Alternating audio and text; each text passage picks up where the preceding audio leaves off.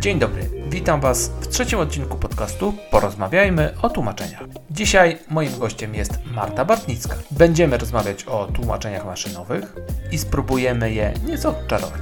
Tłumaczenia maszynowe budzą bardzo skrajne emocje. Z jednej strony nadmierny i nie do końca uzasadniony entuzjazm użytkowników, z drugiej strony są demonizowane i budzą przerażenie wśród tłumaczy, które to odczucia również nie do końca są uzasadnione. Zapraszam do wysłuchania mojej rozmowy z Martą.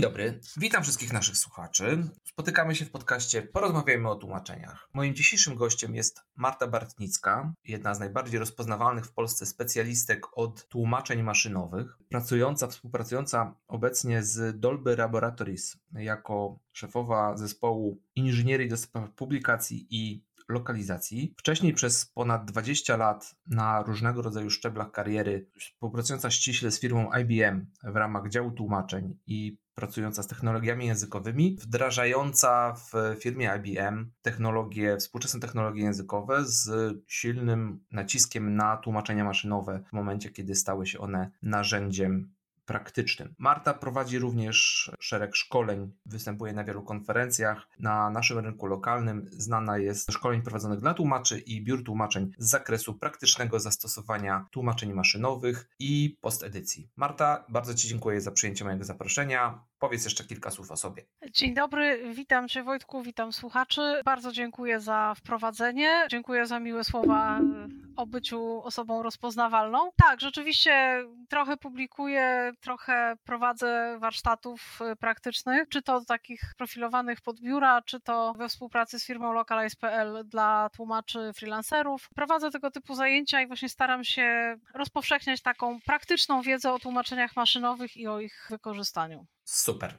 Dzisiaj chciałbym, Marta, porozmawiać z Tobą o tłumaczeniach maszynowych. No, jako z jednej strony Twojej specjalizacji, posiadasz ogromną wiedzę teoretyczną przede wszystkim praktyczną z tego zakresu. O tłumaczeniach maszynowych mówi się dużo, mówi się dużo właściwie we wszelkich branżach, tak jak inne nasze technologie językowe, które stosujemy, często są znane tylko i wyłącznie osobom, osobom z naszej branży. Tak, z tłumaczeniami maszynowymi mamy do czynienia wszyscy na co dzień każdy w zasadzie, kto używa internetu, ma do czynienia z Google Translate czy innymi tego typu narzędziami. W naszej branży tłumaczenia maszynowe są często demonizowane, posądzane o to, że odbiorą nam pracę i to już całkiem niedługo. W każdym kolejnym roku słyszymy, że to już za rok, dwa, już niedługo. Jeszcze do tego nie doszło i może tak postarajmy się troszkę odczarować te tłumaczenia maszynowe. Dobrze by było, myślę, zacząć od tego, czym one w ogóle są, skąd się wzięły i kiedy w ogóle stały się technologią, która faktycznie zaczęła mieć praktyczne zastosowanie biznesowe, komercyjne. Myślę, że poruszyłeś tutaj bardzo ważną sprawę, mianowicie, że właśnie z tłumaczeniami maszynowymi mamy do czynienia wszyscy. Y, w tej chwili, Anno Domini 2021, tłumaczenia maszynowe, gdybym miała powiedzieć, kto jest głównym odbiorcą, czy konsumenci, czy tłumacze, którzy dopiero korzystają z tych tłumaczeń maszynowych do dalszej obróbki, zdecydowanie konsumenci. To znaczy tłumaczenia przez Google, tłumaczenia maszynowe, które daje nam Facebook, tłumaczenia, które robi na przykład Microsoft, lepiej lub gorzej, na swoich stronach dokumentacją użytkowników i wielu, wielu innych dostawców, takich, do których można za darmo z przeglądarki się dostać, w rodzaju DeepL czy Yandex. Potem sklepy AliExpress, z których Europa już też mocno korzysta. Potem Amazon. To jest główny rynek tłumaczeń maszynowych, które po prostu weszły w taki obszar, gdzie tłumaczy do tej pory nie było i pewnie nie będzie. To znaczy takie masowe tłumaczenia dla masowego odbiorcy. Natomiast z perspektywy tłumacza to jest trochę śmieszne, bo przed COVID-em przynajmniej raz w roku, zwykle dwa razy w roku byłam na jakiejś imprezie branżowej, takiej branży bardziej tłumaczeń maszynowych niż, niż branży lokalizacyjnej czy tłumaczeń profesjonalnych. I powiedziałabym, że mówienie o tym, że tłumacze stracą pracę już za rok, dwa, trzy, to jest dyżurny wątek, jak wszystkich inżynierów od tłumaczeń maszynowych maszynowych naukowców właśnie tak w okolicy trzeciego piwa, to zaczynają mnie przekonywać, żebym pomyślała o zmianie zawodu. I to tak samo było 5 lat temu, jak i 2 lata temu. Co więcej, taki hype prasowy, że tłumacze już za 3 lata będą niepotrzebni, to jest coś, z czym mamy do czynienia od lat 50., czyli od pierwszych eksperymentów z tłumaczeniami maszynowymi w ogóle. Już wtedy prasa, wtedy amerykańska głównie właśnie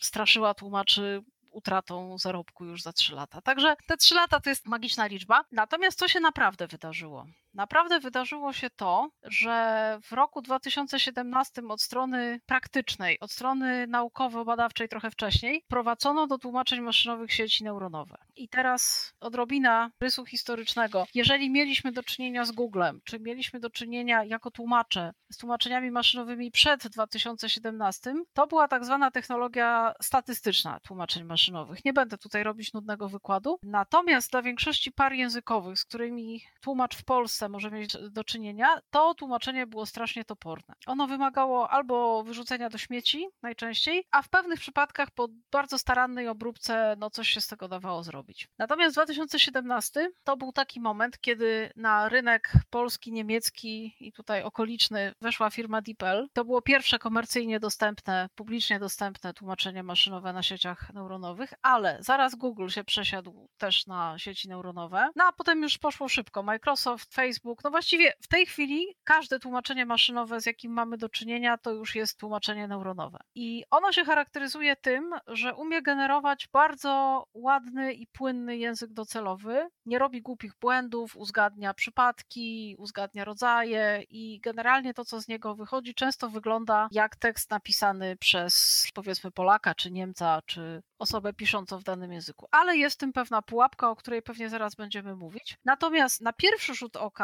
to wrażenie, że tłumacze zaraz mogą stracić pracę, rzeczywiście się trochę wzmocniło. Przez powiedzmy hmm. ostatnie, no znowu magiczna liczba, 3 lata, 3,5 roku już w tej chwili. Właśnie. To jest jedno z pierwszych pytań, które chciałem Ci zadać. Czy w ogóle z dzisiejszej perspektywy, w jakimś przewidywalnym czasie, Twoim zdaniem możemy mówić o tym, że jakaś technologia całkowicie zastąpi człowieka, jeśli chodzi o tłumaczenia? To jest możliwe, ale na razie nie widzę takiej technologii. Tak bym to ujęła. Ponieważ teraz właśnie przejdę do bardzo zgrubnego omówienia tej pułapki. Tłumaczenia maszynowe oparte na sieciach neuronowych świetnie modelują język, natomiast one w ogóle nie tykają sensu. To znaczy one przenoszą sens niejako przypadkiem, czy jako miły efekt uboczny przenoszenia języka. W związku z tym maszyna, żadna, nie jest w stanie sprawdzić, czy to, co autor miał na myśli w tekście oryginalnym, jest przełożone na tekst docelowy. Czyli w tym momencie, jeżeli tekst jest istotny, krytyczny, zależy od niego życie ludzkie, zależy zdrowie, zależy poprawność wykonania jakichś operacji finansowych czy innych o dużym znaczeniu, to ten tekst musi być pod względem sensu zweryfikowany przez osobę, która profesjonalnie się tym zajmuje. Nadal i tutaj się nic nie zmieniło. I taka praca to, się, to jest właśnie to, co się nazywa postedycją, czyli takim, takim pojęciem, które teraz jest dosyć gorące na rynku tłumaczeń. Postedycja to jest sprawdzenie tego, co maszyna nam zaproponowała, i ta usługa na razie nie wygląda na to, żeby się stała zbędna. Jeżeli y, pojawią się maszyny tłumaczące, które będą modelowały sens no to wtedy może się coś zmieni. Na razie takich maszyn nie widać. Na razie modelowanie języka, owszem, sprawdzanie zbieżności pewnych pojęć, przynależności do tego samego obszaru, tak, ale to cały czas są bardzo zaawansowane technologicznie zabawy z językiem, a, nie, a tak naprawdę nie z sensem. Czyli maszyna dalej nic nie rozumie. Okej, okay. dobrze. Pojawiło się u Ciebie pojęcie postedycji. Powiedz, kto się zajmuje postedycją? Czy postedytor i tłumacz to może być jedna i ta sama osoba? Jakie zestawy kompetencji są potrzebne, żeby zajmować się posedycją? To jest dobre pytanie, bo tutaj trochę się to, jakby to powiedzieć, skomplikowało, bo koncepcja postedycji powstała wtedy, kiedy jeszcze na rynku dominowały tłumaczenia poprzedniej generacji, te o których mówiłam, statystyczne, które miały bardzo dużo błędów takich, powiedziałabym, formalnych. Było bardzo dużo poprawiania i była taka koncepcja, że ta postedycja to jest w ogóle jakiś osobny, osobny rodzaj działania niż tłumaczenie, bo jest potrzebne mnóstwo tej pracy takiej edytorskiej, żeby produkt z maszyny doprowadzić do porządku. Natomiast to, co tak naprawdę jest istotne w tej chwili przy takiej technologii tłumaczeń maszynowych, jaką mamy dostępną, to jest to, żeby produkt z maszyny sprawdzić pod względem przeniesienia sensu z oryginału. Czyli postedytor to jest tłumacz, który podejmuje się weryfikacji tłumaczenia maszynowego. Nie bardzo widzę to jako osobny zawód, jako osobną profesję, której można się wyuczyć, nie wiem, nie będąc w ogóle tłumaczem, nie mając przygotowania z tłumaczeń, bo podstawowa kompetencja tłumacza, czyli zrozumienie oryginału i opanowanie tego, że trzeba to przekazać jakoś w języku docelowym, no jest konieczna, bo maszyna tego za nas nie robi. W związku z tym postedytor to jest po prostu taki tłumacz, który pracuje na tekście z podpowiedziami pochodzącymi z tłumaczenia maszynowego. I tutaj od razu zasygnalizuję, nie wszyscy tłumacze chcą, lubią to robić i są powody, dla których potrafię zrozumieć, dlaczego tego nie chcą robić. Okej. Okay. Słuchaj, a powiedz, czy Twoim zdaniem jest możliwe dobre wykonywanie postedycji przez tłumacza bez przygotowania? Bez przygotowania z postedycji? Tak, bez, bez wyszkolenia się, bez nabycia jakiegoś nowego zestawu kompetencji, czyli jakby no, na, nauczenia się pracy z wynikiem, rezultatem tłumaczenia maszynowego. Myślę, że są takie osoby, ale to nie jest regułą. To znaczy, przeciętny czy nawet bardzo dobry tłumacz potrzebuje pewnego czasu i potrzebuje pewnej praktyki, żeby się oswoić z tym typem pracy. Ja miałam akurat dosyć specyficzne doświadczenie z tłumaczami w IBM-ie, ponieważ tłumacze w IBM-ie, z którymi pracowałam, w większości byli przyzwyczajeni do pracy na materiale, który ma bardzo dużo powtórzeń i mnóstwo poprzednich wersji. To jest specyfika tłumaczenia software'u, który długo żyje, czy lokalizacji oprogramowania i specyfika tłumaczenia dokumentacji do czegoś takiego, że to ma mnóstwo, mnóstwo wersji, mnóstwo kolejnych iteracji podobnego tekstu. Czyli to byli tłumacze, którzy byli przyzwyczajeni, że tak naprawdę do 90% materiału, który tłumaczą, mają już jakieś podpowiedzi. I w tym momencie, jak weszły na to jeszcze maszyny, no może nie 90-70. Jak na te pozostałe 30% materiału jeszcze weszły maszyny, to to po prostu była jeszcze większa liczba podpowiedzi, z którymi trzeba było coś zrobić. Natomiast jeżeli jest tłumacz, który jest przyzwyczajony do pracy głównie z dokumentem na czysto, gdzie co najwyżej własne powtórzenia podpowiada mu jakieś narzędzie, ale tak naprawdę to tłumaczy od zera, to tutaj ten próg wejścia jest trochę wyższy i to wymaga przestawienia się na taką pracę, że cały czas poprawiam tak naprawdę i to nie po kimś, tylko po czymś. Są, są badania, że poprawianie po człowieku jest nawet łatwiejsze niż po maszynie, bo człowieka można się wyuczyć. Jeżeli na przykład robimy, nie wiem, korektę zawsze po koledze, po innym tłumaczu czy po tłumaczce, to możemy się wyuczyć typowych błędów, stylu i tak dalej. A maszyna zawsze nas czymś zaskoczy, więc to ponoć jest trudniejsze, bo jest mniej przewidywalne. W każdym razie, no tutaj tym progiem wejścia jest taki tryb pracy, że cały czas poprawiamy, a nie piszemy od siebie. I to jest właśnie coś, czego niektórzy tłumacze nie akceptują po prostu takiego trybu pracy. Albo potrzebują więcej czasu, żeby się do niego przyzwyczaić, albo potrzebują mieszać sobie zadania z postedycją z zadaniami bez postedycji, albo w ogóle po prostu nie, no nie są w stanie pracować na dużą skalę z podpowiedziami z maszyny. To lubienie, czy raczej brak sympatii do współpracy z tłumaczeniem maszynowym, to jest rzecz, która bardzo mnie osobiście interesuje i zastanawia, bo właśnie obawiam się tego, że pracując długo z maszyną i wyłącznie poprawiając wyniki tłumaczenia maszynowego, tłumacz może pewnym sensie jakby zacząć tracić kom swoje kompetencje językowe, tak? Jeżeli nie do końca staje się oryginalnym autorem tego, co, a tylko po, swoistym poprawiaczem po produktu pochodzącego maszyny, to w, no w dłuższej perspektywie ta ta jego zdolność do, do samodzielnego, samodzielnego tłumaczenia może zacząć zanikać albo przynajmniej jakby pogarszać się, tak? Takie, nie wiem, może są to obawy niepoparte żadnymi konkretnymi, konkretnymi dowodami, no ale to jest, powiedzmy, że umysł się rozleniwia, tak? W, nie wiem, co myślisz na ten temat? Myślę, że masz rację i myślę, że jest takie ryzyko, z tego co widzę, co robią doświadczeni tłumacze, właśnie przeplatają sobie, przeplatają sobie zadania, na przykład tłumaczenie techniczne z postedycją, z tłumaczeniem czy to literackim, czy marketingowym, czy jeszcze jakimś tam innym, które mają w swoim portfolio, które nie, nie może być z założenia z maszyny, bo tam po prostu ta maszyna sobie nie radzi albo no w ogóle nie chcemy, żeby ona tam ingerowała. Więc to jest jedna z metod właśnie radzenia sobie. Kiedyś żartowaliśmy z kolegą, że osoby, które robią postedycję powinny mieć takie zasady jak kierowca kierowcy ciężarówek. Jak kierowca musi po iluś tam godzinach jazdy odpocząć, no to być może tłumacz postedytor po iluś dziesiątkach tysięcy słów powinien przeczytać książkę dobrą, na przykład po polsku, która jest no, gdzieś tam sprawdzonym źródłem dobrego języka polskiego, żeby sobie odbudować, że tak powiem, właściwe podejście do języka. Rzeczywiście jest dość mało badań nad tym, to znaczy badań nad wydajnością pracy postedytorów, nad ilością zmian wprowadzanych i tak dalej, to jest całkiem sporo już, ale badań nad takimi efektami psychologicznymi i czy właśnie czujność postedytora spada i czy on zaczyna pisać trochę innym językiem, takich badań jest niewiele, natomiast efekt jest, znaczy no, myślę, że to nie jest przesadna obawa, że coś takiego może zachodzić. Dlatego no, jeżeli jest taka możliwość, to ja jestem za tym przeplataniem właśnie pracy jakichś większych zadań postedycyjnych zadaniami takimi bardziej kreatywnymi. I myślę, że to może być bardzo ważna wskazówka dla naszych słuchaczy, że trzeba dbać o, również o taką higienę tutaj umysłową, intelektualną, właśnie żeby nie popaść w rutynę. Posłużyłaś się takim pojęciem czujność postedytora. To od razu też przywodzi mi na myśl jedno z najważniejszych niebezpieczeństw, które wiąże się z korzystaniem z tłumaczeń maszynowych, tych neuronowych, z którymi mamy do czynienia od kilku lat, ponieważ ich wysoka jakość i naturalne brzmienie zbliżone do ludzkiego jest jednocześnie swego rodzaju pułapką.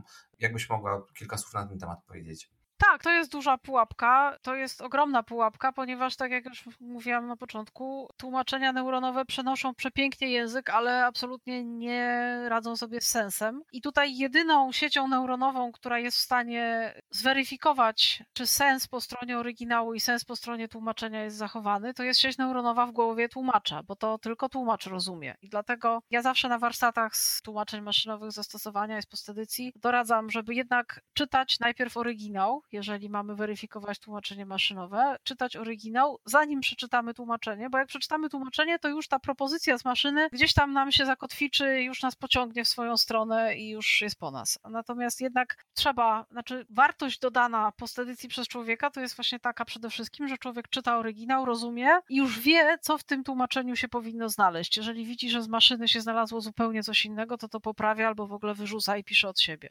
Myślę, że jeszcze jedną ważną rzecz powinniśmy powiedzieć, zdefiniować też pojęcie silnika tłumaczeń maszynowych, no bo Pytanie właśnie skąd mówimy o, mówiliśmy o tłumaczeniu statystycznym, mówimy o sieciach neuronowych. Powiedz w ogóle, jak, jak szkoli się te maszyny, skąd one się biorą, skąd biorą się te tłumaczenia maszynowe? No najkrótsza odpowiedź by brzmiała z komputera, ale już mówię, co ten komputer, co te komputery robią. Mianowicie tak, i te poprzedniej generacji tłumaczenia statystyczne i te współczesne, czyli neuronowe, mają jedną cechę wspólną, właściwie podstawową cechę wspólną, mianowicie one bazują na wcześniej wykonanych, na tłumaczeniach wcześniej wykonanych przez ludzi. To mogą być pamięci tłumaczeń, takie z narzędzia CAT. To mogą być na przykład jakieś inne dokumenty sparowane w dwóch językach i, i zestawione i też po, poszatkowane na segmenty. To mogą być strony internetowe zebrane, wielojęzyczne i gdzieś tam dopasowane do siebie. Natomiast w tej chwili maszyny te statystyczne po potrzebowały tam przynajmniej dwóch milionów segmentów, dwóch przy neuronowych trochę więcej, to idzie od 10 milionów segmentów w górę, żeby wymodelować coś sensownego. No i właśnie, to narzędzie, tak naprawdę program komputerowy, który pracując na tekście w dwóch językach, na, na korpusie dwujęzycznym, buduje z tego tłumaczenie dla zdania czy, czy tekstu, którego jeszcze nie widział, to się właśnie nazywa silnik. Czyli to jest to, co buduje sobie jakiś taki model, na którym się będzie opierać i później dostaje teksty i produkuje z tego kolejne teksty. To się nazywa silnik. No korpus to nie muszę tłumaczom. Tłumaczom nie muszę tłumaczyć, co to jest korpus, natomiast y, właśnie i silniki neuronowe i te poprzedniej generacji silniki statystyczne do pracy wymagały korpusu. Czyli jeżeli mamy parę językową, do której nie ma danych dwujęzycznych, nie ma pamięci tłumaczeń, to żadna maszyna tutaj nic nie wymyśli myśli. No właśnie, czyli to nie jest magiczna, sztuczna inteligencja, która nagle po wciśnięciu guzika potrafi mówić wszystkimi językami świata, tylko to jest żmudny proces szkolenia komputera za pośrednictwem danych wsadowych wysokiej jakości, na podstawie których sieci neuronowe wyciągają jakieś, jakieś wnioski, jakieś modele i zaczynają jakby, nazwijmy to w cudzysłowie, rozumieć ten język i poddawać propozycje tłumaczeń. Można to tak w taki uproszczony sposób określić? Tak, to znaczy one nie zaczynają, one zaczynają tłumaczyć i one zaczynają dawać propozycje, ale nie zaczynają rozumieć. To tak, jest, nie zaczynają jeszcze rozumieć. To jest tak, główny problem właśnie. To jest ta pułapka, tak, to jest ta pułapka. Tak. Natomiast wszystko inne się zgadza. Zgadza się też to, że jest to dość długotrwały proces, to znaczy taki proces treningu to się raczej liczy w dniach w tej chwili, czyli to, to co się dzieje pomiędzy zarzuceniem korpusów do maszyny, a gotowością tej maszyny do użycia, to się dzieje w dniach, żeby później już mogła w czasie rzeczywistym nam te, te nasze tłumaczenia robić. I to są w tej chwili komputery o powiedzmy mocy i możliwościach powyżej tego, co można mieć w domu czy gdzieś tam w garażu. To są raczej takie dosyć poważne serwery. O ile tłumaczenia statystyczne można sobie było na lepszym domowym komputerze gdzieś tam zmontować, o tyle przy neuronowych, no to, to już jest trochę więcej to już, to już potrzebna jest jakaś tam moc obliczeniowa w jakimś tam serwerze wykupiona, a, nie to, co możemy sobie postawić w garażu. A powiedz, czy podzielasz, bo słyszałem takie, takie opowieści, czy to jest mit, czy, czy jednak coś jest tutaj na rzeczy, że sieci neuronowe, również te wykorzystywane w tłumaczeniach maszynowych, to, jest, to jednak jest taka trochę magia, bo tak naprawdę już ich twórcy nie do końca rozumieją, co się dzieje pomiędzy wprowadzeniem danych, a, a efektem końcowym, który uzyskują. To jest kolejna rzecz, którą po tym, że, że tłumacze zaraz tracą pracę, którą twórcy sieci neuronowych uwielbiają mówić, bo to fajnie medialnie wygląda. To znaczy tak, z siecią neuronową rzeczywiście tu jest pewna nieoznaczoność, bo ona ma pewną swoją dowolność tego, jak, jak ten trening przebiegnie i co z tego wyniknie. Później takich badań, że tak powiem, wstecznych nad tymi sieciami neuronowymi robi się całe mnóstwo i analizy tego, jak te sieci neuronowe tak naprawdę działały i dlaczego one dochodzą do takich wniosków, do jakich dochodzą. To jest wbrew pozorom dosyć obszar dosyć mocnych badań, także tutaj tej magii jest niewiele. I co najważniejsze, badanie, jak przy danych, jakie będą przy danych, przy konkretnych danych wejściowych, jakie będą dane wyjściowe, to jest przy właśnie treningu tej maszyny cały czas monitorowane i cały czas parametry tej sieci neuronowej, dopóki ona nie zostanie, że tak powiem, doprowadzona do stanu optymalnego, cały czas parametry tej sieci neuronowej są bardzo ściśle korygowane, żeby właśnie uzyskać tłumaczenie zadowalającej jakości. To znaczy, to się, to się robi tak, że jest jakaś tam próbka danych która nie jest wrzucona do treningu, gdzie mamy tłumaczenie referencyjne i wrzucamy oryginał, patrzymy, to, czy to, co wyszło, jest zbieżne z tłumaczeniem referencyjnym, czyli tłumaczeniem ludzkim, czy nie. I wbrew pozorom, dosyć ten proces jest dobrze kontrolowany przez, przez osoby, które się zajmują takim treningiem sieci neuronowych. Jeżeli ktoś ma ochotę poświęcić trochę czasu i posłuchać o wektorach i budowie sieci neuronowych, to jest e, super, naprawdę godny polecenia na kurserze. Kurs za darmo dostępny przez dwóch profesorów prowadzony od tłumaczeń maszynowych, Jan Niehaus i Aleksander Weibel i bodaj kurs jest firmowany przez Massachusetts Institute of Technology, czy też Instytut w Karlsruhe, czy też obie te placówki. W każdym razie Coursera i kurs Machine Translation naprawdę polecam. Tam można sobie posłuchać w swoim tempie i bez zbędnych kosztów, jak to wszystko wygląda od kuchni. Ale tam się o, Myślę, post- że... tam się o postedycji nic nie dowiemy, tam się tylko dowiemy, jak to wszystko jest robione. E, myślę, że dla osób zainteresowanych link do tego kursu w opisie dzisiejszego odcinka zamieścimy. Jasne. Sam chętnie się z nim zapoznam. Właśnie, mówisz o pomiarach, mierzeniu, parametrach. Na chwilkę, mm, może z takiego praktycznego punktu widzenia, nie tyle osoby akademicko zajmującej się tłumaczeniami maszynowymi, a zainteresowanej jej ich praktycznymi efektami. Powiedz, jak mierzy się jakość, jak bada się jakość tłumaczeń maszynowych, czym jest odległość postedycyjna, jaki wpływ tłumaczenie maszynowe ma na tempo pracy, tempo wykonywania tłumaczeń?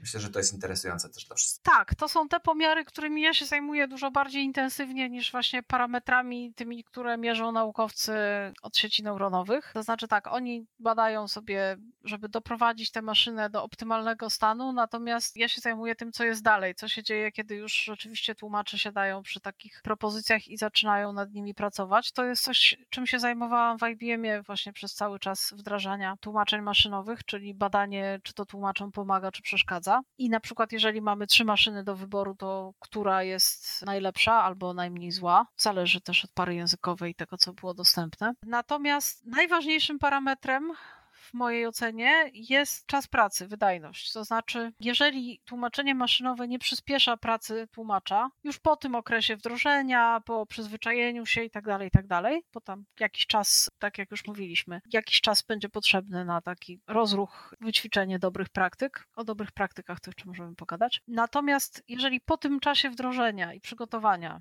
tłumaczenie maszynowe nie przyspiesza pracy tłumacza, tylko ją spowalnia, no to na pewno nie o to nam chodziło. I to nie jest problem z tłumaczem, tylko jest to problem z maszyną. To może oznaczać różne rzeczy, na przykład, że to nie jest stosowna maszyna akurat do tego rodzaju projektu. W każdym razie na razie mam mówić o parametrach, to, to właśnie powiem o, o tym, jak, jak do tego podchodzę. Mianowicie ten najważniejszy parametr w zasadzie można zmierzyć za pomocą kartki i ołówka, to znaczy liczyć sobie, tłumacz może sobie liczyć liczbę słów obrobionych dziennie bez wspomagania maszynowego, potem w tej samej parze językowej dla powiedzmy tekstu podobnej klasy, to jest ważne. Ze wspomaganiem maszynowym no i sobie porównywać, w którym modelu tłumacz mu się szybciej. Jeżeli jest szybciej z maszyną, to znaczy, że być może warto iść w tym kierunku. Jeżeli nie jest szybciej, to coś tu nie gra. I teraz tak, powiedziałam kartko, kartka i ołówek. Można to też robić w sposób trochę mniej, trochę mniej pracochłonny dla tłumacza, trochę bardziej technicznie zaawansowany. Podstawowe narzędzia CAD, z których korzystamy i Trados i MemoQ mają mechanizmy dostępne w sobie za darmo i w ramach tego narzędzia, które pozwalają mierzyć liczbę słów na godzinę czy tam dzień, niezależnie od tego, czy tłumaczenie maszynowe jest używane, czy nie. I za pomocą takich parametrów można nawet z jakiegoś większego czasu i większej próbki sobie zebrać dane o tym, czy użycie MT przyspiesza pracę tłumacza, czy nie. Jeżeli nie przyspiesza, to, to nie znaczy, że MT w ogóle nie ma tutaj perspektyw, ale trzeba się zastanowić, czy jest dobrze dobrane do tego zastosowania. Natomiast wspomniałeś o odległości edycyjnej, to jest drugi parametr, który warto brać pod uwagę, aczkolwiek on jest trochę zdradliwy. Mianowicie odległość edycyjna to jest liczba różnic pomiędzy tekstem z maszyny, znaczy to jest w ogóle liczba różnic między dwoma tekstami w tym samym języku z założenia i w tym przypadku jest to liczba różnic pomiędzy tym, co maszyna wyprodukowała, czyli podpowiedzią, którą tłumacz dostał, a tym, co ostatecznie tłumacz z tego zrobił. Czyli czyli licząc tak najprościej w literkach, liczba znaków dodanych, usuniętych, zamienionych. I teraz tak, teoretycznie powinno być tak, że im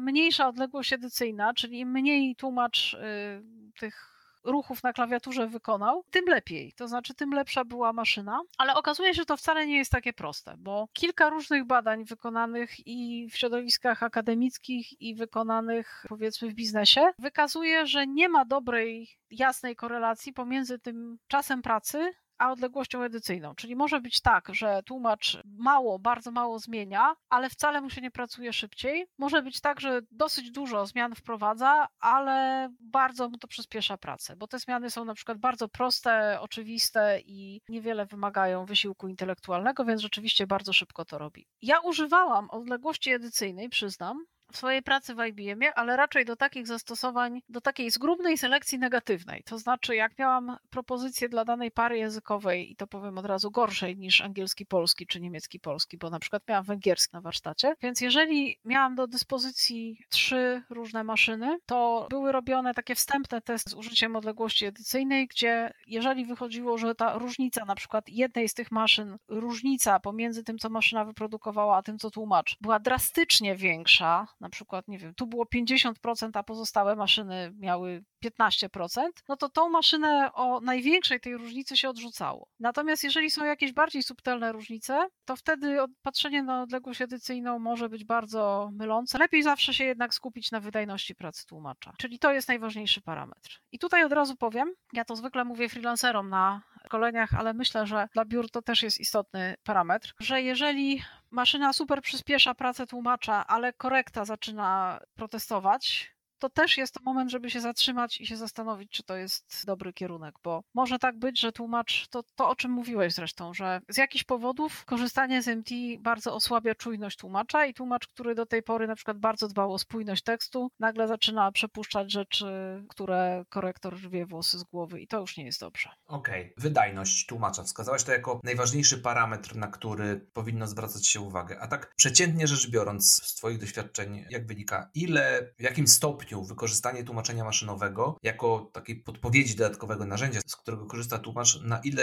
jest w stanie przyspieszyć jego pracę. Czy to są tak drastyczne różnice, jakie pewnie można by było zakładać, będąc laikiem, jakby nie znając naszej branży, że to dziesięciokrotne przyspieszenie pracy? To jak to tak, tak naprawdę wygląda? Wiesz, no to jest trochę pytanie z kategorii, ile pali samochód, bo teraz czy zamierzamy tym samochodem wozić drewno, czy zamierzamy się ścigać na torze, czy dojechać do sklepu. Natomiast generalnie tak, przyspieszenie Zwiększenie dziesięciokrotne nie widziałam czegoś takiego w, w, żadnym zastosowaniu praktycznym. Dobrze jest to sprawdzić, ponieważ nawet dla jednej pary językowej, na przykład angielski-polski, różnice będą ogromne w zależności od rodzaju tekstu. Inne będą dla mocno powtarzalnego tekstu technicznego, inne będą na przykład dla lekkiego tekstu z branży mody, a inne będą dla tekstu prawnego, a jeszcze inne będą dla tekstu medycznego. Cały czas w tej samej parze językowej. Dwa badania, które ostatnio widziałam, jedno to było badanie przeprowadzone prowadzone w sumie niewielkiej grupie unijnych tłumaczy, tłumaczących przy pomocy e-translation i tam ten zysk czasowy to było kilkanaście procent. Drugie badanie nie dotyczyło języka polskiego, natomiast to było badanie pokazane przez firmę Acolat, gdzie oni właśnie pokazywali, jak stawki za postedycję, o stawkach to pewnie jeszcze pogadamy, tak, jak, tak,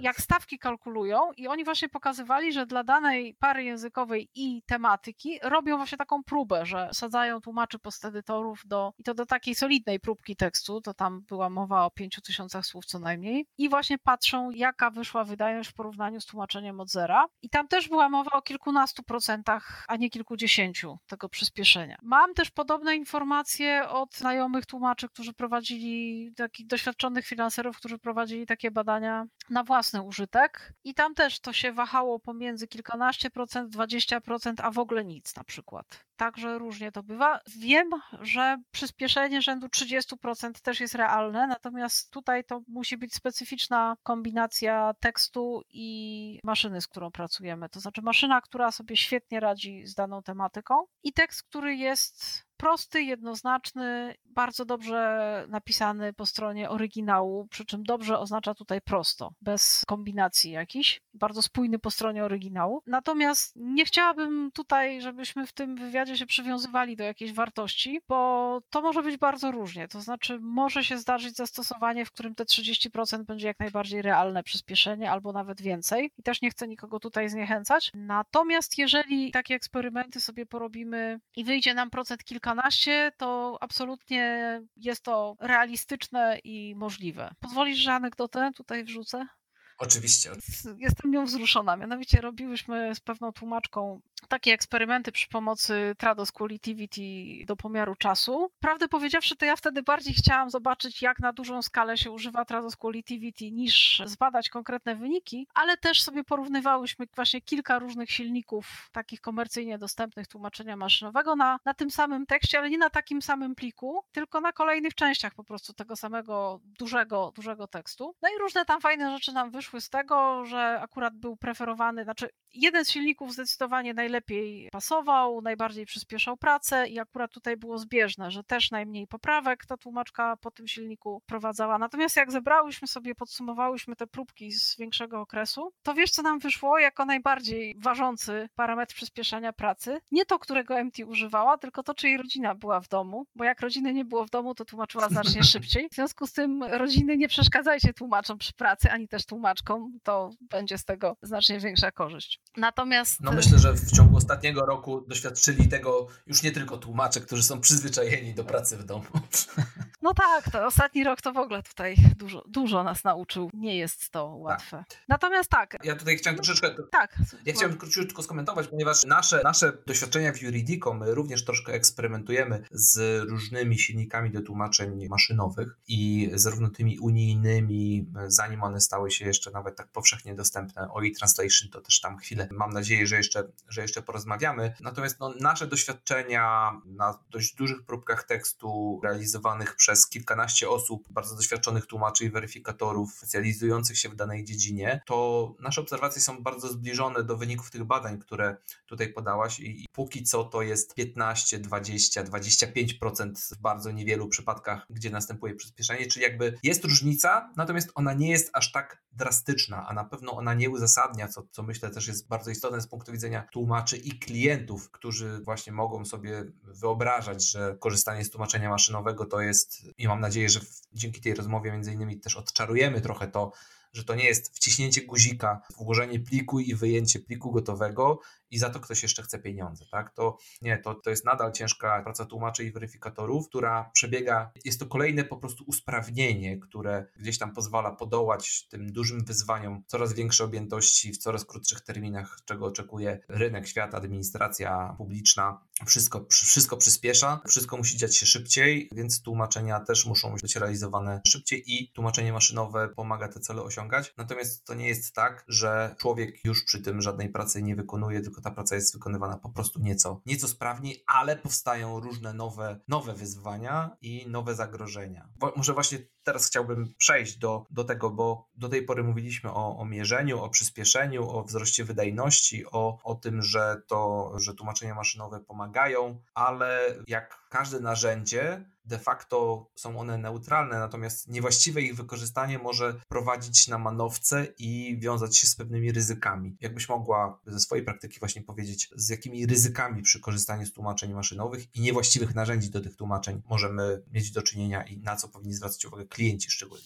ale również tłumacze. Zacznę od najprostszej sprawy, coś co, co już trochę wzmiankowałam. Złe dobranie maszyny do zastosowania, czyli złe dobranie silnika do zastosowania. To będzie widoczne w bardzo prosty sposób, bo po prostu tłumaczom właśnie nie będzie przyspieszało pracy, a wręcz będzie im przeszkadzało. To się zdarza, mianowicie dzieje się to w ten sposób, że maszyna jest tylko tak mądra, jak jej korpus. Jeżeli maszyna jest wytrenowana na korpusie bardzo ogólnym plus tekstach prawnych, to ona będzie prawdopodobnie całkiem nieźle tłumaczyła teksty prawne. I tutaj te podpowiedzi mają szansę o te kilkanaście procent przyspieszać tłumaczom pracę. Natomiast jeżeli przez tą samą maszynę przepuścimy teksty medyczne albo teksty marketingowe z dziedziny mody, to efekt będzie makabryczny. To będzie tłumaczy wprawiało w rozpacz. Jeżeli im tego każemy używać, to będzie im spowalniało pracę. To jest pierwsza pułapka, która się zdarza no, na różnych poziomach tego procesu, że ktoś, czy to duże międzynarodowe biuro tłumaczeń, czy to duża firma, która ma swój własny dział tłumaczeń, tłumaczeń, ale nie bardzo wnika w to, jak się tam rzeczy dzieją. Czy jeszcze jakiś inny gracz na rynku ma maszynę, która się świetnie sprawdziła do zastosowania A i teraz postanawia bez żadnych dodatkowych operacji z niej skorzystać do zastosowania B. I to są właśnie te wszystkie makabryczne projekty, gdzie na przykład klient proponuje obniżkę stawki o 30%, a, a tempo tłumaczenia wręcz spadło o 40%. I teraz jakim cudem to by się miało komukolwiek opłacić? Więc to jest pierwsza pułapka. Użycie niewłaściwej maszyny do niewłaściwego projektu, który mamy przed sobą. Po prostu tematyka, jak się nie zgadza. To jest jedna możliwość tego, co, co nam się może przydarzyć, niefajnego. Druga możliwość to jest zbytnia wiara w to przyspieszenie tempa. Już nawet nie mówię teraz o aspekcie finansowym. Natomiast mówię o właśnie przekonaniu, że robotę na 10 dni da się zrobić w jeden, bo, bo mamy tłumaczenie maszynowe. No tak jak mówiliśmy, to dziesięciokrotne przyspieszenie raczej się nie zdarzy, a nie zdarzy się dlatego, że człowiek w swoim tempie nadal musi to wszystko przeczytać. Jeżeli to ta postedycja ma mieć charakter profesjonalny i ma dać gwarancję, że tam nie ma błędów merytorycznych, to człowiek nadal w swoim tempie musi to wszystko swoim mózgiem przetworzyć, nawet jeżeli będzie poprawiać tylko co dziesiąte zdanie. To jest ten efekt, że uderzyłem młotkiem złotówka, ale wiem gdzie 99. Także tutaj, jeżeli ta postedycja ma wnieść tę właściwą swoją wartość dodaną, to ona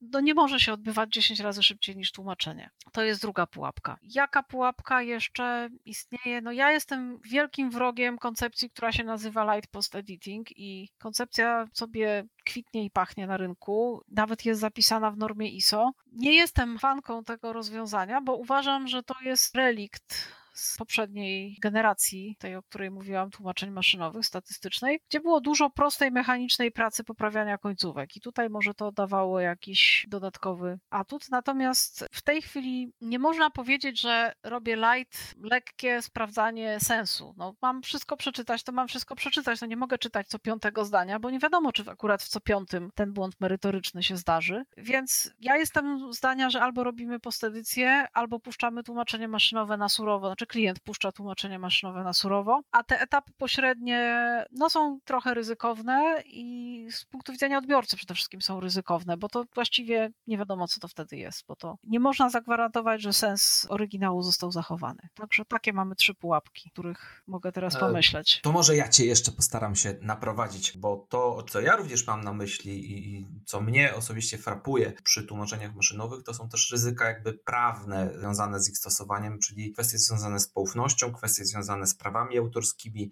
i z danymi osobowymi. Jak ty podchodzisz do tych kwestii? Właśnie myślę, że tutaj kwestia odpowiedniego doboru narzędzi również ma olbrzymie, olbrzymie znaczenie, no bo jakby tutaj sama wydajność czy jakość produktu jest rzeczą nieistotną. Mówimy o tym, gdzie te dane wprowadzane do, do narzędzi trafiają i przez kogo mogą być wykorzystane. Tak, to jest dosyć ważna sprawa. No, tak jak z każdym narzędziem w internecie. Tutaj właściwie tłumaczenia maszynowe maszynowe nie różnią się specjalnie od wszystkich innych narzędzi informatycznych. Jeżeli używamy ich do czegoś poważnego, to niestety, ale trzeba przeczytać to, co jest drobnym druczkiem, trzeba przeczytać warunki Terms and Conditions, trzeba przeczytać umowę licencyjną i zobaczyć, co ten dostawca danego silnika nam oferuje i za ile. Niestety bez tego ani rusz. Podpowiem, że Google Translate dostępny z przeglądarki ma napisane w swoich warunkach, że cokolwiek tam wpisujemy, to oni sobie to biorą i mogą z tym robić co chcą. To znaczy, że pewnie używają tego do jakichś swoich analiz tego, co ludzie najczęściej tłumaczą i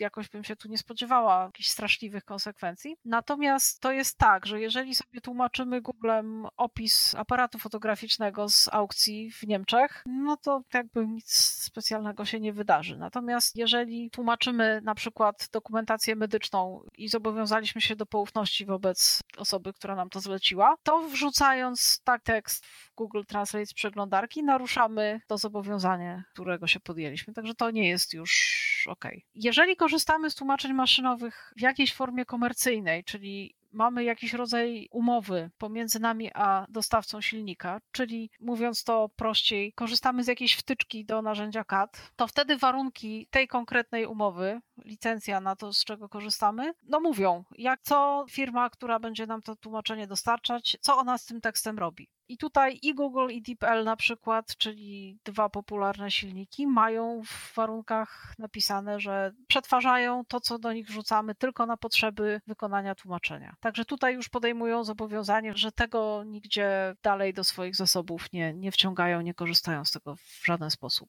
Więc tu już jest taka różnica pomiędzy tym, co się dzieje w przeglądarce, a tym, co się dzieje w wersji takiej już powiedzmy spersonalizowanej do narzędzia CAD. Myślę, że na tym tle warto by podkreślić, podkreślić właśnie i dla tłumaczy przede wszystkim, ale również dla innych osób, które profesjonalnie pracują z tekstami, na przykład prawników czy doradców różnego rodzaju finansowych i biznesowych, że wykorzystanie tych darmowych narzędzi przeglądarkowych, no, wiąże się z dużym niebezpieczeństwem właśnie w postaci no, naruszenia zobowiązania do zachowania poufności czy praw własności intelektualnej klienta czy autora tekstu, nad którym dana, dana osoba pracuje i który wprowadza do bezrefleksyjnie do, do Google Translate czy jednego z innych narzędzi, bo przecież Google Translate nie jest jedynym, jedynym darmowym narzędziem do tłumaczeń maszynowych dostępnym w sieci i no, trzeba wiązać się, trzeba tutaj spodziewać się dość poważnych, poważnych konsekwencji. No i ostatnio tutaj w naszej branży, na naszym podwórku dość głośno jest o sprawie w Poznaniu, która była przedmiotem rozpoznania przez sąd, sąd poznański. Między innymi na tle była to spór pomiędzy biurem tłumaczeń a klientem,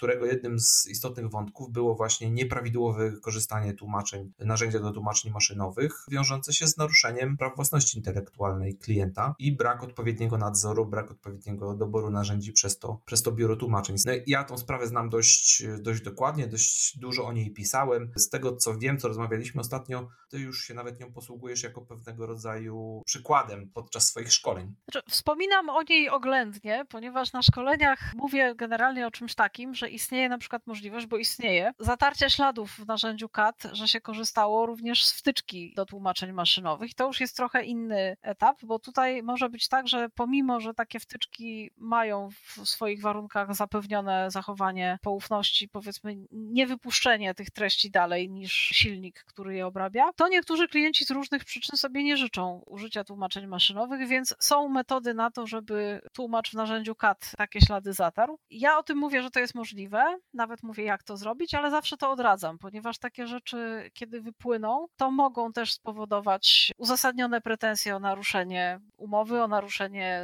zasad poufności i no, reputację tłumacza czy biura dosyć mocno zepsuć. Natomiast również mówię o tym, że najbardziej moim zdaniem nieetycznym postępowaniem i niewykrywalnym, bo takie ślady majstrowania przy narzędziu CAD też można do pewnego stopnia z kolei potem klient może je wykryć. To się już robi cała powieść szpiegowska z tego. Natomiast najbardziej nieetycznym moim zdaniem postępowaniem jest właśnie tłumaczenie tekstów, które powinny być chronione przez przeglądarkowego Google'a, bo tam, tak jak mówiłam, Google jasno mówi, że bierzemy, zbieramy wszystko. W związku z tym jest to naruszenie, jeżeli, jeżeli mamy jakąś tam umowę o poufności, jest to naruszenie tej umowy. I owszem, wspominam już teraz na szkoleniach, że są już precedensy, na razie nie podaję szczegółów, ale że są już precedensy, że tego typu sprawy mogą znaleźć swój finał w sądzie. I ja myślę tak swoją drogą, że świadomość tutaj klientów będzie rosła i że to będzie, będzie jakiś tam kierunek większej powiedzmy dociekliwości i większych roszczeń ze strony zleceniodawców. Przy czym to jest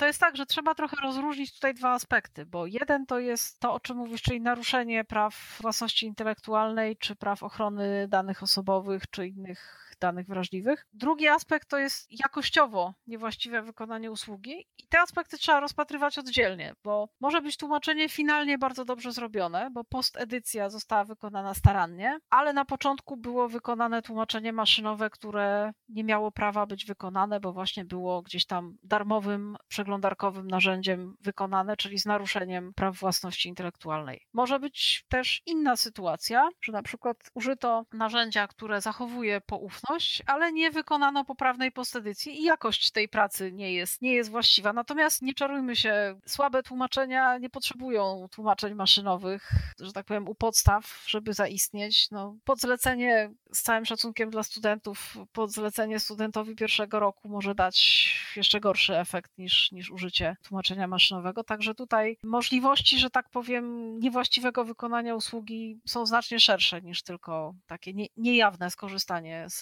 z MT. Na tym tle tak pojawia mi się pytanie, no bo ja, ja osobiście uważam, że generalnie kwestia, również z uwagi na normy jakościowe, tak, no bo warto może zaznaczyć dla osób nie do końca zorientowanych, ty już wspomniałeś o tym, że jest norma jakościowa regulująca zasady pracy z tłumaczeniem maszynowym. To jest norma ISO 18587, o ile mnie pamięć nie myli. Druga norma regulująca zasady wykonywania tłumaczeń pisemnych to jest norma ISO 17100, którą no, dokumentują się i chwalą większość dużych znanych biur tłumaczeń. Według tej normy realizuje swoje tłumaczenia, przynajmniej część z nich. I warto zaznaczyć, że w świetle warunków normy ISO 17100, która reguluje tłumaczenia pisemne ludzkie, wykorzystanie tłumaczeń maszynowych procesie tłumaczenia pisemnego jest niedopuszczalne. I to być może jest to pewnego rodzaju anachronizm i to się w przyszłości zmieni, no ale na dziś, jeżeli zgodnie z umową na przykład biuro czy tłumacz zobowiązuje się do wykonania tłumaczenia z zachowaniem zasad i wymogów normy jakościowej ISO 17100, to co do zasady wykorzystanie tłumaczenia maszynowego z prawnego punktu widzenia byłoby niedopuszczalne. Ogólnie rzecz biorąc uważam, że w relacjach pomiędzy klientem, przynajmniej takim klientem bardziej świadomym, poważnym, gdzie mówimy o tekstach specjalistycznych, objętych jakimiś klauzulami poufności zawierającymi dane osobowe i dane wrażliwe, czy to biuro tłumaczeń, czy biuro, e, czy, czy tłumacz indywidualny, przysięgły na przykład, no winien uzgadniać z klientem wykorzystanie takiego narzędzia i go, e, i go poinformować. Oczywiście to wszystko zależy od indywidualnej sytuacji, indywidualnych uzgodnień. W części przypadków może to nie mieć dla klienta najmniejszego znaczenia, natomiast no i ogólnie dobór narzędzi i technologii technologii językowych powinien leżeć po stronie, po stronie biura tłumaczeń i tłumacza. Klient tutaj nie powinien się specjalnie wtrącać. Natomiast w pewnym zakresie zleceń, w pewnym zakresie współpracy pomiędzy biurem a, a klientem, tego typu kwestie też powinny być poruszone i jednoznacznie określone. Nie wiem, jak ty podchodzisz do tego tematu. Zdecydowanie znowu na warsztatach zawsze to mówię, że najlepsza jest sytuacja, kiedy to jest jasno powiedziane, czy tłumaczenie maszynowe ma być użyte, na jak, czy może być użyte i na jakich zasadach, bo partyzantka tutaj jest, ten rynek jest świeży. Rynek właśnie post-edycji jest świeży i tu się dzieją, jak to na Dzikim Zachodzie, przedziwne różne rzeczy, ale partyzantka generalnie jest tutaj ryzykowna i, i, to, i partyzantka od strony tłumacza czy biura, y, kiedy używa tłumaczeń maszynowych, nie uzgadniając tego z klientem, czy wręcz wbrew jego woli. I partyzantka ze strony klienta, o której już troszeczkę mówiłam wcześniej przy stawkach, kiedy klient ma jakąś maszynę i chce jej używać absolutnie do wszystkiego i ciąć stawki, bo gdzieś kiedyś na jakimś tekście to się sprawdziło, więc na pewno się sprawdzi na wszystkim. No to jest też ta druga strona partyzantki. Natomiast zdecydowanie jest lepiej, jeżeli między klientem a biurem jest uzgodniony sposób używania tłumaczeń maszynowych i ustalone, jakiej formy właśnie dochowania poufności tutaj się spodziewamy. Co do norm ISO, to ta norma właśnie 18, coś tam myślę, że też w materiałach do tego podcastu dołączymy odsyłacz do tej normy ta, tak. która opisuje zasady postedycji, więc ona właśnie już mówi, jak to może wyglądać i właśnie opisuje te różne poziomy postedycji, czyli taką prawdziwą do, do poziomu tłumaczenia profesjonalnego, gdzie tłumaczenie maszynowe jest tylko jednym z narzędzi, jak to określiłeś. I opisuje też tak zwany light post editing, gdzie no niby to poprawianie ma być do takiej formy akceptowalnej, tylko że tak jak już mówiłam, to przy współczesnej generacji tłumaczeń maszynowych jest to trochę, trochę jest to pułapka. No ale zobaczymy, co, co rynek na to powie jak ta norma będzie wyglądać za rok czy dwa, bo ja myślę, że to się zmieni. No tak, to, to powiedzieliśmy o tym, że rewolucja, która odbyła się w tłumaczeniach maszynowych, to jest raptem 3 lata wstecz i wszystko, o czym mówi się w branży w, w kontekście tłumaczeń maszynowych, to jest perspektywa najdalej roku, dwóch, co, co chwilę wyskakują jakieś nowości, które wywracają wszystko do góry nogami, nowe pomysły, nowe idee, nowe technologie, więc za bardzo w przód chyba też nie ma, nie ma co wybiegać. Natomiast co chciałbym jeszcze tutaj może podkreślić, to bo nie wszyscy klienci szczególnie to do, do, dobrze rozróżniają, ale myślę, że warto to też wyartykułować, że nie można wrzucać wszystkich technologii językowych do jednego worka, bo klienci miewają problem z rozróżnieniem np. kata i MT, czyli tak zwanego oprogramowania wspomagającego tłumaczenia, które jest z nami od dziesiątków już lat w zasadzie, można powiedzieć, i tych e, wtyczek silników do tłumaczenia maszynowego, które są dość, dość świeże. Jakbyś mogła kilka słów na ten temat, jakby takie, no dla nas dość oczywiste, ale chciałbym, żeby ta rozmowa jednak do, dotarła trochę szerzej niż tylko do, do osób potrafiących rozróżnić te, te kwestie. Jasne. CAT sam w sobie, to tak jak mówisz, to jest technologia już dość stara, już ma lat 10 i CAT sam w sobie, czyli narzędzia wspomagające tłumaczenie, computed Computer Aided Translation. Nie ma w sobie żadnej sztucznej inteligencji, niczym się na zewnątrz nie wiąże z żadnym silnikiem. To jest takie połączenie edytora tekstu z bazą danych, czyli to jest narzędzie, które pozwala, najprościej mówiąc, oszczędzić tłumaczowi wykonywania copy-paste, jeżeli po raz drugi napotyka takie samo zdanie i tam się żadna magia więcej nie dzieje. Oczywiście jest to trochę bardziej tak naprawdę zaawansowane, bo umożliwia też oszczędzenie pracy tłumacza przy zdaniach podobnych, a nie identycznych. Natomiast to się wszystko odbywa w zakresie wcześniej porównania nowego tekstu z wcześniej wykonanym tłumaczeniem przez tego tłumacza, czy przez dane biuro, czy przez no, grupę tłumaczy, czy przez wcześniejszego podwykonawcę danego klienta. Natomiast tutaj żadna sztuczna inteligencja nie działa. To, co się dzieje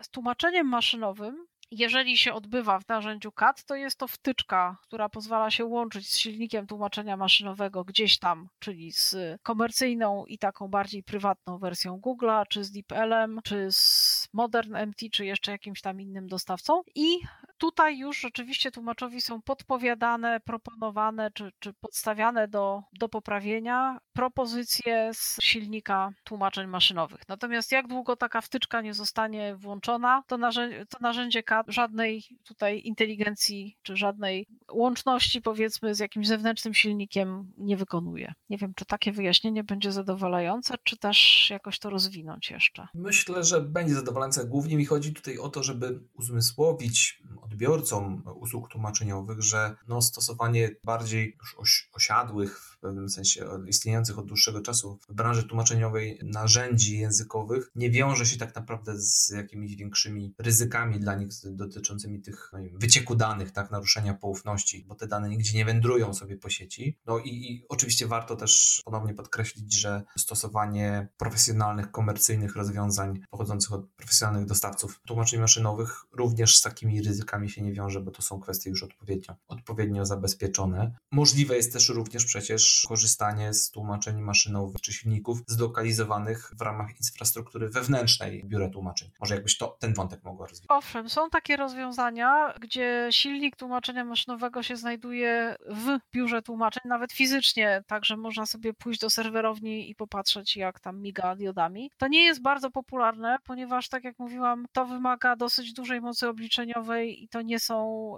no to, to nie wystarczy komputer osobisty dobrze dopakowany, tylko to jednak już jest dość porządny serwer. Ale owszem, robi się takie rozwiązania. Robi się też takie rozwiązania, że silnik tłumaczenia maszynowego sprofilowany pod dane biuro tłumaczeń fizycznie nie stoi i nie można pójść na te diody popatrzeć, ale jest wydzieloną przestrzenią taką wirtualną na jakimś serwerze dostawcy tłumaczeń maszynowych i ta przestrzeń rzeczywiście jest tylko i wyłącznie dostępna dla tego biura, wytrenowana na potrzeby tego biura i dostępna tylko i wyłącznie wyłącznie dla konkretnego biura i nikt inny z tego korzystać nie może, ani też to, co to biuro tam wysyła, nie jest widoczne dla żadnej innej firmy. Tego typu rozwiązania się jak najbardziej stosuje, no i to jest, no to jest tak jak korzystanie z innych w tej chwili usług serwerowych z jakiejś tam przestrzeni właśnie do przetwarzania danych, czy do przechowywania, czy do tworzenia kopii zapasowych. Są firmy, które rzeczywiście takie już nawet też na polskim rynku takie usługi oferują, czyli że mamy tak naprawdę własny silnik tłumaczeń maszynowych, ale on nie stoi u nas, tylko stoi gdzieś tam w serwerowni czyjejś. Warto myślę podkreślić, jakby troszkę też śledzę te rzeczy. Zarządzam biurem tłumaczeń, więc interesuje też mnie z punktu widzenia codziennej praktyki biznesowej. Słyszałem już w kilku rozmowach takich fachowych, że na dziś de facto rozwiązania takie chmurowe potrafią być bezpieczniejsze, jeśli chodzi o zabezpieczenie danych, niż infrastruktura taka wewnętrzna. Jeżeli słyszałem to od prawników prowadzących duże kancelarie, którzy przeprowadzali stosowne analizy, z tego wynikało, że na przykład zastosowanie SharePointa od Microsoftu jest no, rozwiązaniem naprawdę o najwyższej klasie bezpieczeństwa, jeśli chodzi o, o, o zabezpieczenie danych. Nie wiem, czy na ten temat mogłabyś coś powiedzieć od siebie? Generalnie tak. Jeżeli stawiamy u siebie jakiś serwer, to i tak go pewnie podłączamy do internetu, i bo różne rzeczy potrzebujemy sobie na niego ściągać. I oczywiście może tak być, że nieprawidłowo skonfigurowany, czy zbyt powiedzmy swobodnie skonfigurowany serwer, który fizycznie stoi u nas w biurze, jest łatwiejszy do włamania i zabrania sobie z niego jakichś danych, niż profesjonalnie skonfigurowany obszar na serwerze firmy, która się komercyjnie zajmuje właśnie wynajmowaniem serwerów, czy też dostarczaniem usług tłumaczenia maszynowego, czy też innych usług. Także tak, to, tak rzeczywiście może być, że właśnie coś, co mamy lokalnie, ale słabo zabezpieczone, będzie dużo mniej bezpieczne niż coś dostępnego komercyjnie z wysokim wysokim poziomem zabezpieczeń. Więc y, myślę, jakby taka krótka konkluzja, no wszystko zależy od indywidualnego przypadku i nie można demonizować też rozwiązań chmurowych jako takich, prawda? No, dziś to się, to się staje, to się staje też codziennością. Teraz chciałbym jeszcze może parę słów powiedzieć na temat bardzo taki przyziemny, ale w pewnym sensie być może najbardziej interesujący dla niektórych tłumaczy i niektórych naszych słuchaczy i kontrowersyjny w pewnym sensie, to jest jakby sfera finansowa, czyli jak zastosowanie tłumaczeń maszynowych może i powinno wpływać na rozliczenia pomiędzy tłumaczami a biurem tłumaczeń i pomiędzy przede wszystkim pomiędzy biurami tłumaczeń czy tłumaczem a klientem.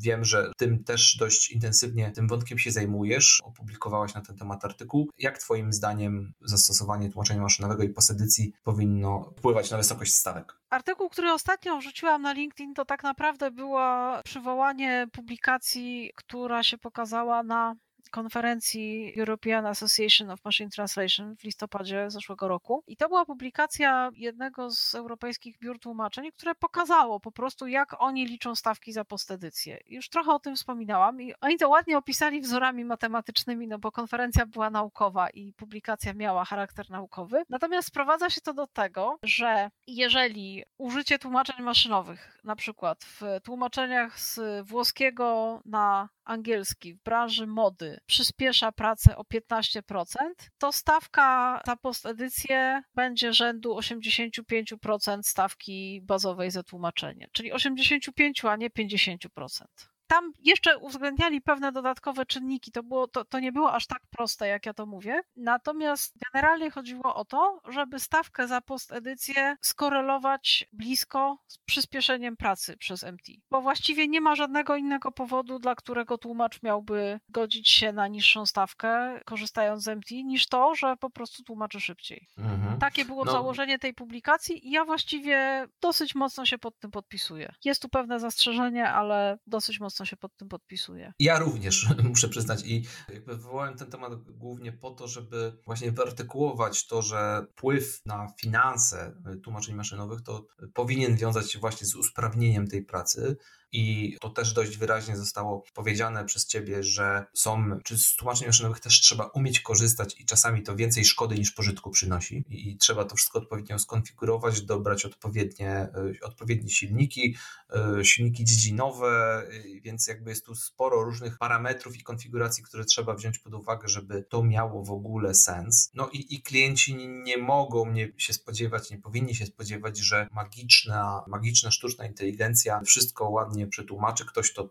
rzuci tylko na to okiem i, i w zasadzie to, to jest bezczelność, że on jeszcze za to chce pieniądze. Tak? No to, jest, to jest narzędzie, które, są narzędzia, które wymagają po pierwsze nakładów finansowych kapitałowych. I ich wdrożenie w procesie tłumaczeniowym pociąga za sobą też dość poważne koszty, a po drugie efekty, które przynosi, to są efekty wymierne, ale efekty, które liczymy, jeśli chodzi o rządy wielkości, właśnie no, maksymalnie tych 20% i to może, i to może mieć ten wpływ, a niektórych rzeczy po prostu przy wykorzystaniu tłumaczeń maszynowych robić na dziś przynajmniej nie należy, bo to po prostu jakość tego, co otrzymamy, nawet po postedycji będzie, będzie po prostu gorsza, bo to będzie tekst nie wiem, spłaszczony, tak?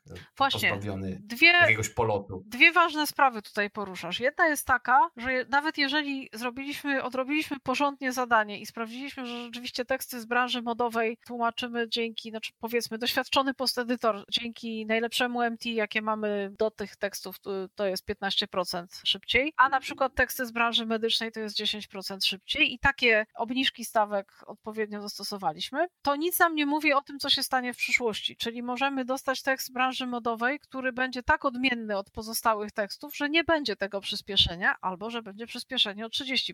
Więc to jest tylko szacowanie, są różne pomysły i tutaj wkraczam w to prognozowanie i działy, działkę naukową. Są różne fajne pomysły naukowców, jak przewidywać jakość MT.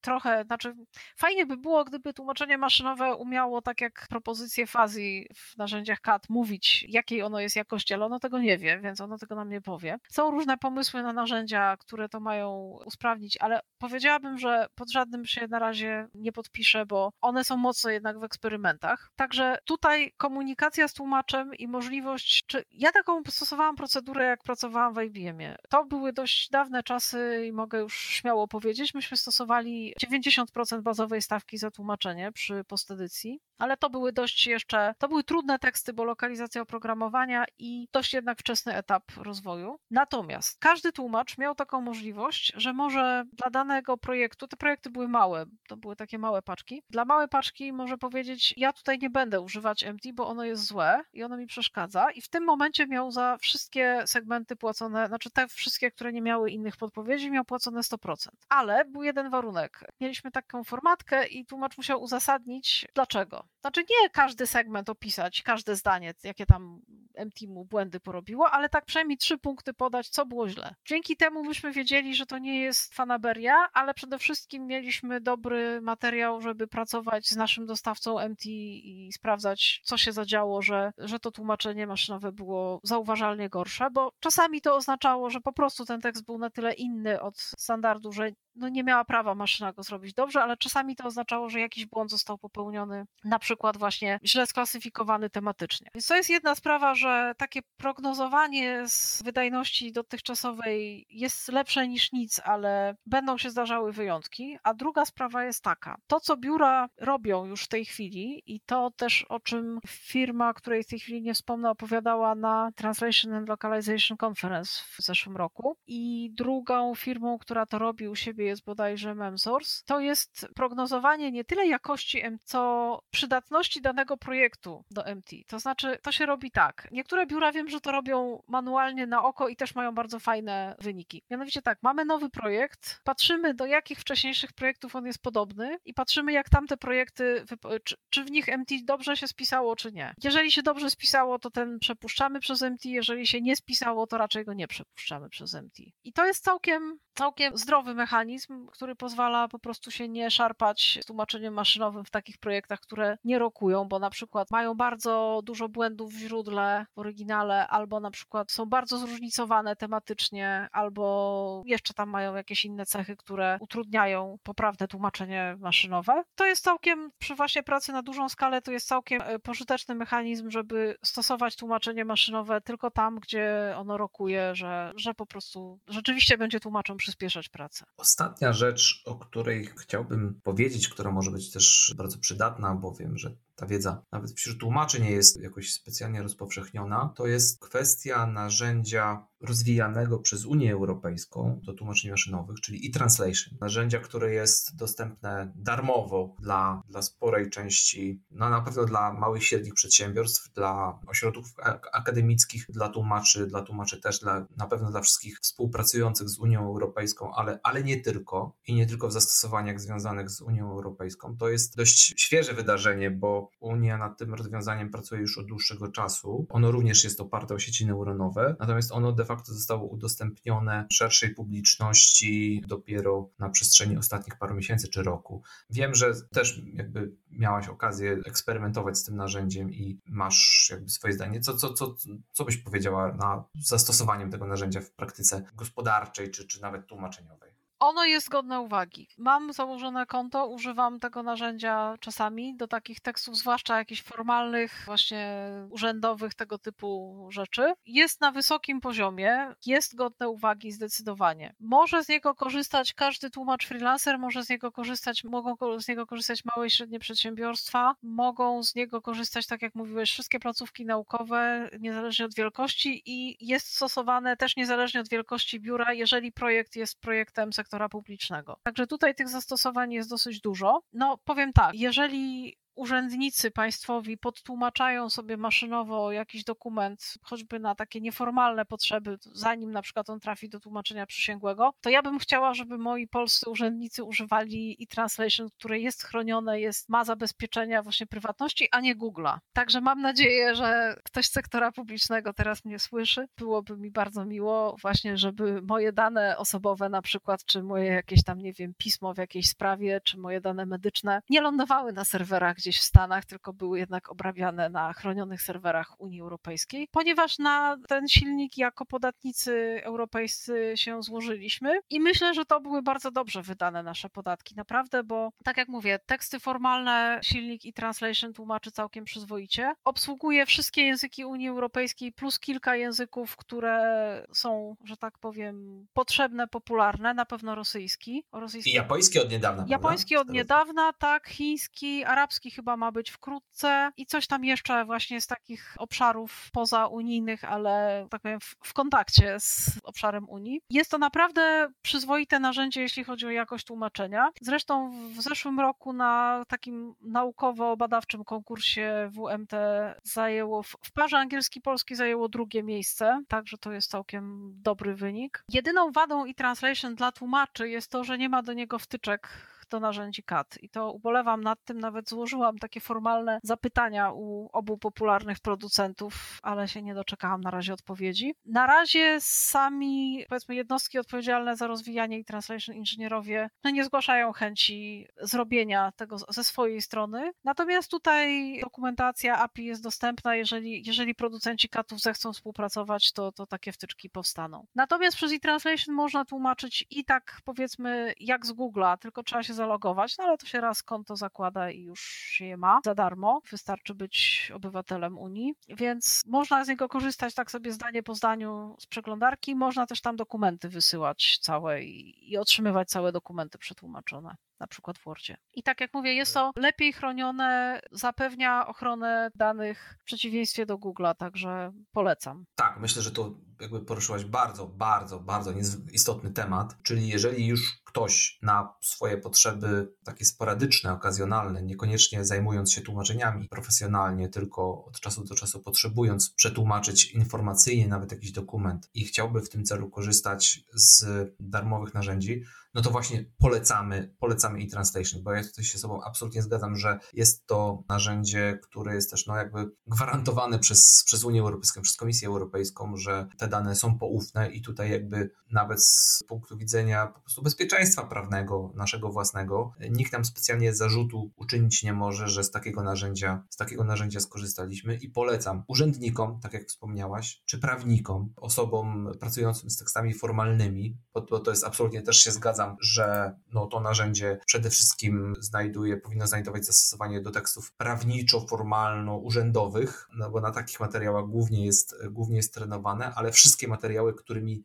aspekty życia, którymi zajmuje się Unia Europejska, czyli bardzo szeroko, no to, to nieźle wychodzi. My z tego narzędzia, chcąc nie chcąc, korzystamy, współpracując z instytucjami Unii Europejskiej i również, również jesteśmy bardzo, bardzo zadowoleni z, z efektów i bardzo kibicuję dalszemu, dalszemu rozwojowi tej technologii. Dobrze, Marto, ja ze swojej strony myślę, no już prawie półtorej godziny rozmawiamy, więc poruszyliśmy naprawdę bardzo wiele wątków. Myślę, że dużo ciekawych informacji nawet ja z naszej rozmowy dzisiejszej wyniosłem. Ze swojej strony bardzo Ci dziękuję za poświęcony czas i bardzo dziękuję Ci za, za udział i wiele cennych, cennych informacji i spostrzeżeń na temat tłumaczeń maszynowych. Dziękuję bardzo za okazję do tej rozmowy, bo pytania też no, naprowadzają mnie czasami na takie obszary, o których na co dzień się nie myśli, bo gdzieś tam się wydają już oczywiste, a wcale jeszcze oczywiste nie są, albo w ogóle się jeszcze nie pomyślało o tym, jak to będzie na przykład. No cóż, mam nadzieję, że będzie to pomocne dla naszych odbiorców, żeby trochę odczarować temat. Prowadzę taką bardzo prostą stronę machinetranslation.pl, na której wrzucam tylko po polsku no, różne takie nowości, w sumie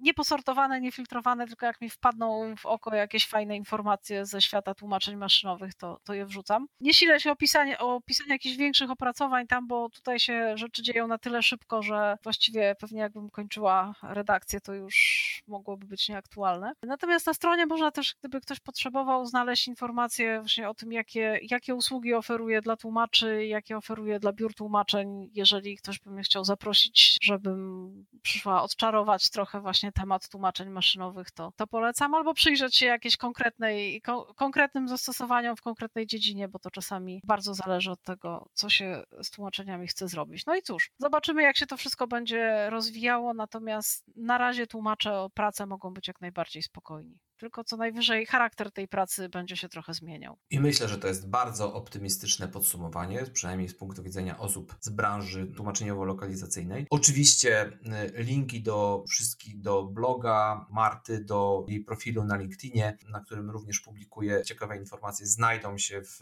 opisie naszego dzisiejszego odcinka. Marto, bardzo dziękuję Ci za rozmowę, bardzo dziękuję naszym słuchaczom i do usłyszenia przy następnej okazji. Dzięki. Dziękuję, do zobaczenia.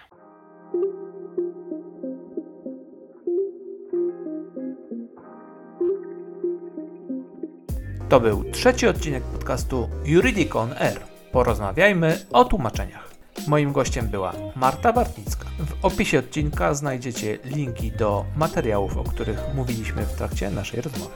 Zapraszamy naszych słuchaczy do dzielenia się opiniami na temat naszego podcastu. Zapraszamy również do składania propozycji tematów kolejnych odcinków. Do usłyszenia!